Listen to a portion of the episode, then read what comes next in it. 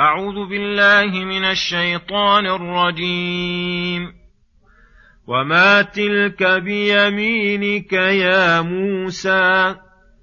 قال هي عصاي أتوكأ عليها وأهش بها على غنمي ولي فيها مآرب أخرى. قال ألقها يا موسى. فألقاها فإذا هي حية تسعى. قال خذها ولا تخف سنعيدها سيرتها الأولى. واضمم يدك إلى جناحك تخرج بيضاء من غير سوء آية أخرى. لنريك من آياتنا الكبرى. اذهب إلى فرعون إنه طغى. قال رب اشرح لي صدري ويسر لي أمري واحلل عقدة من لساني يفقه قولي. واجعل لي وزيرا من أهلي هارون أخي أشدد به أزري وأشركه في أمري كي نسبحك كثيرا ونذكرك كثيرا. انك كنت بنا بصيرا. قال قد اوتيت سؤلك يا موسى. السلام عليكم ورحمة الله وبركاته. بسم الله الرحمن الرحيم. يقول الله سبحانه وما تلك بيمينك يا موسى إلى قوله من آياتنا الكبرى. لما بين الله لموسى أصل الإيمان أراد أن يبين له ويريه من آياته ما يطمئن به قلبه وتقر به عينه ويقوى إيمانه بتأييد الله له على عدوه فقال وما تلك بيمينك يا موسى؟ هذا مع علمه تعالى.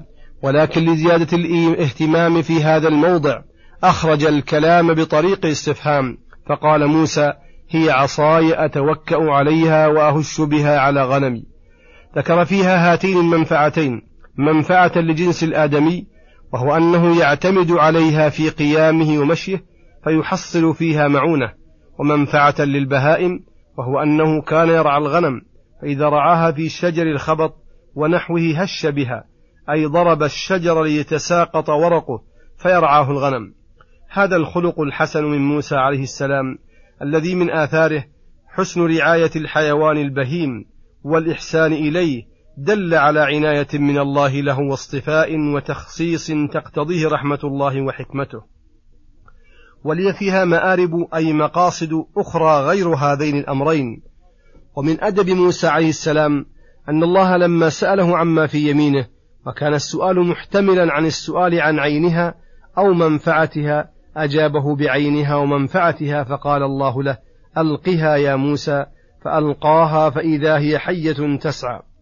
انقلبت بإذن الله ثعبانا عظيما فولى موسى هاربا خائفا ولم يعقب وفي وصفها بأنها تسعى إزالة لوهم يمكن وجوده وهو أن يظن أنها تخيل لا حقيقة فكونها تسعى يزيل هذا الوهم.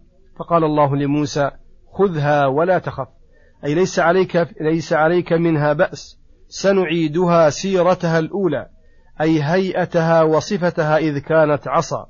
فامتثل موسى أمر الله إيمانا به وتسليما فأخذها فعادت, فعادت عصاه التي كان يعرفها هذه آية.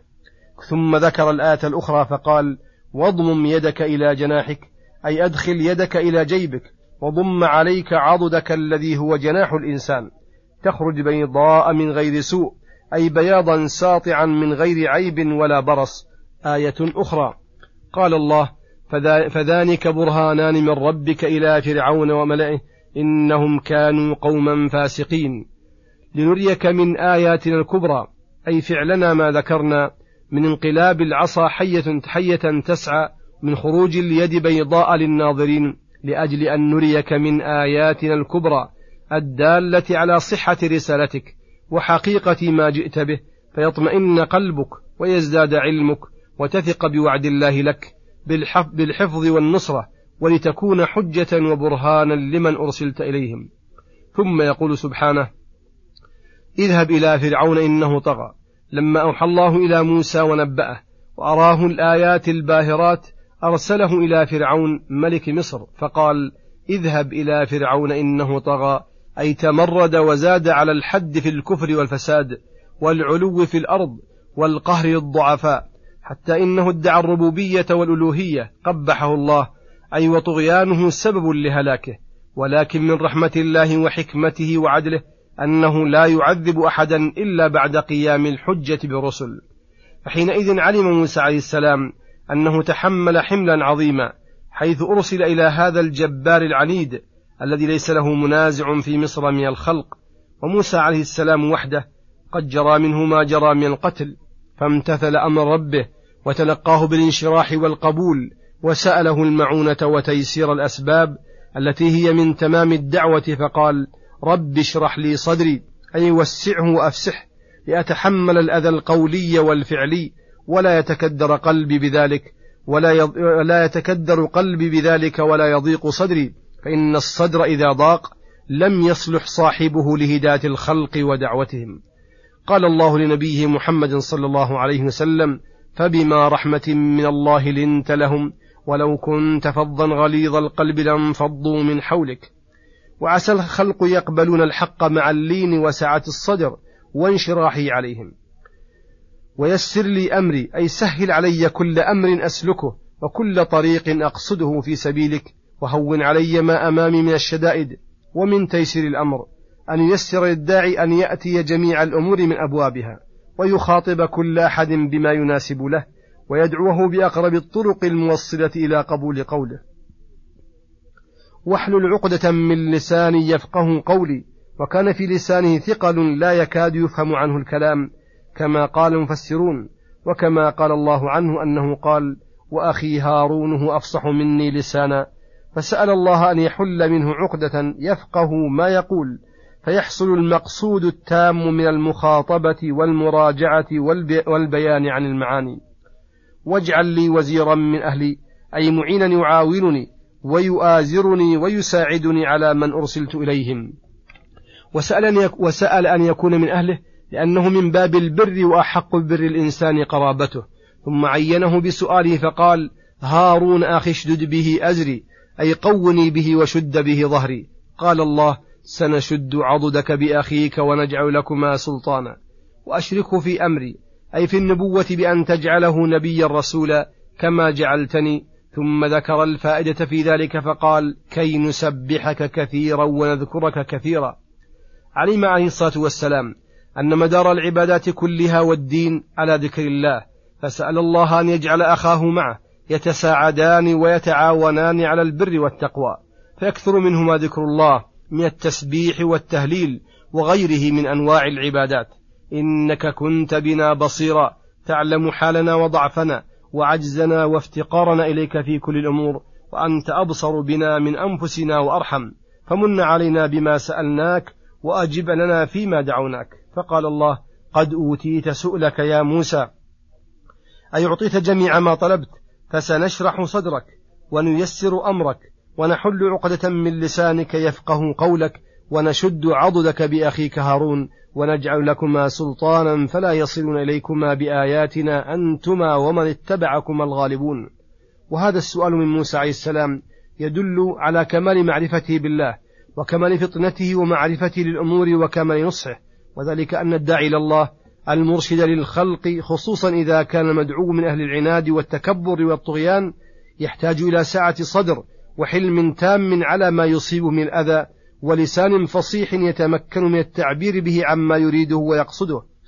بل الفصاحة والبلاغة لصاحب هذا المقام من ألزم ما يكون لكثرة المراجعات والمراوضات ولحاجته تحسين الحق وتزيينه بما يقدر عليه ليحببه إلى النفوس وإلى تقبيح الباطل وتهجينه لينفر عنه.